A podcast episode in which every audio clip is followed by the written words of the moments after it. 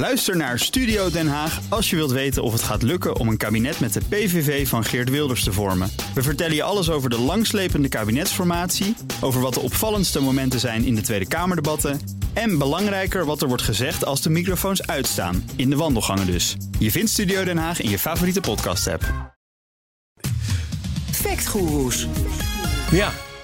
En ik hoop niet dat ik iets verkeerd gezegd heb, want ik krijg dat altijd weer terug. Frank Leeman, goedemorgen. Ja, goedemorgen. Ja, ik luister er goed mee. Ja, dat dacht ik al. Vandaag iets over het leesniveau van 15-jarigen, begrijp ik. Ja, want uh, een zin is een kwart van de 15-jarigen zijn laaggeletterd. En een variant daarop is een kwart van de 15-jarigen zijn functioneel analfabeet. Ja. Een kwart dus. En dan is er ook nog een uitspraak van Geert Wilders van twee maanden geleden bij de Algemene Beschouwingen. Die heeft ook ergens een getal gelezen.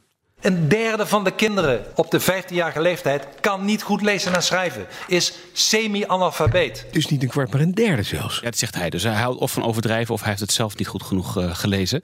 Van wie, van wie komt die uitspraak, eh, Frank? Die komt, uh, de aanleiding is een onderzoek van PISA, het Program for International Student uh, Assessment. Zij vergelijken de prestaties van 15-jarigen voor taal en wiskunde. En dat doen ze elke drie jaar uh, onder 15 EU-landen. En dat vergelijken dat gaat door het doen van een toets, die op veel scholen vrijwillig is en sommige scholen verplicht. En dan schrijven ze een rapport. Nou, het laatste rapport was van 2018.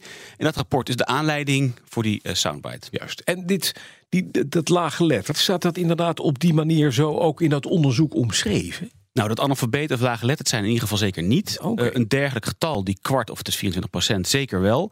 En er is een Kamerbrief uit december 2019... waar minister Slop de Kamer uh, over dit PISA-onderzoek informeert. En bij die Kamerbrief hoort een document... genaamd Resultaten PISA 2018 in vogelvlucht. Mm -hmm. En een van de auteurs, Joyce Gubbels... Uh, nu expert bij Expertisecentrum Nederland... vertelt wat de levels zijn in dat PISA-onderzoek. Wat PISA zelf doet, de toets indelen in een aantal niveaus. Het loopt van niveau 1, dat is het laagste niveau tot niveau 6. Uh, maar zij zeggen zelf, je moet minimaal niveau 2 hebben gehaald als je 15 bent, om goed te kunnen functioneren in de maatschappij. En wat die 24% is, is het percentage leerlingen dat in Nederland voor leesvaardigheid niveau 2 niet heeft gehaald.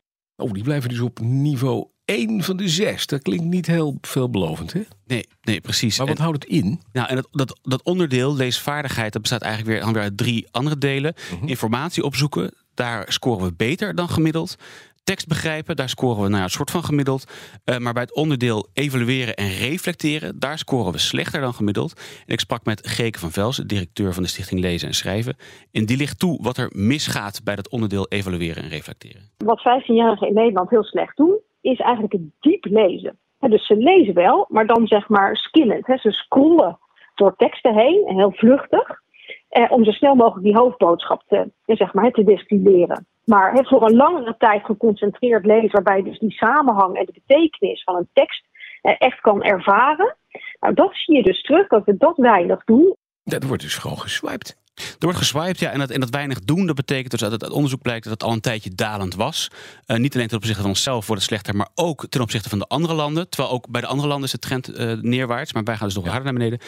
Uh, dus ja, dat is natuurlijk niet echt goed. Maar wacht eventjes, dit, wat, hier gaat het om de definitie laag geletterd zijn. Is dit dan iets waarvan je zegt, eh, niet echt een tekst diep kunnen lezen of, of ervaren? Zegt dat iets over laaggeletterdheid?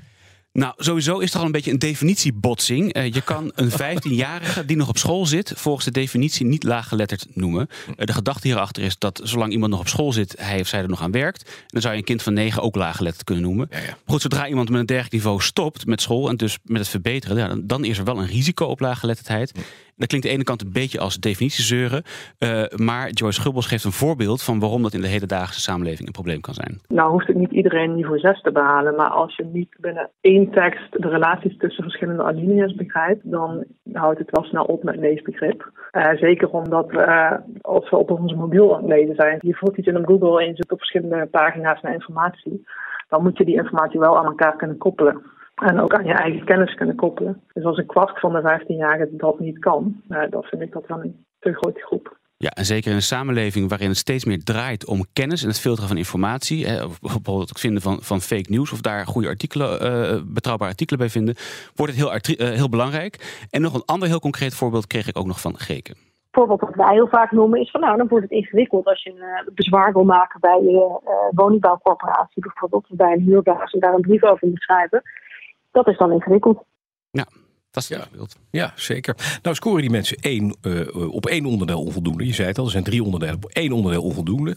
Kan later dus problemen geven. Maar nogmaals, is dat nou laaggeletterdheid? Nee, dat is het dus eh, niet. En zo vat Geek het ook samen. Nee, niet 24% is laaggeletterd. Nee, zeg maar, de leesvaardigheid van 24% van de 15-jarigen op het gebied van evalueren en reflecteren, scoort onvoldoende. Ja, is niet goed. Is niet goed. Het een deel van een deel van een deel. Precies, je kan dus niet zeggen ze lage letters zijn al helemaal niet analfabeet. Want ze kunnen gewoon lezen en schrijven en de ondertiteling volgen en zo. Maar goed, je kan wel zeggen dat ze een taalachterstand hebben in hun leesvaardigheid.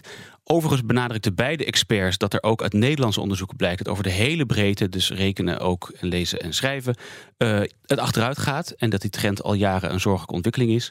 Maar eh, dat een grote groep laag geletterd is, eh, ja, daar zijn we gelukkig. 30% bijvoorbeeld tot 15 jaar. Ja, dat is dus zoveel is- dan Ja, weer niet. Dat Nee. gelukkig niet. Nee. Dankjewel. Frank Leeman.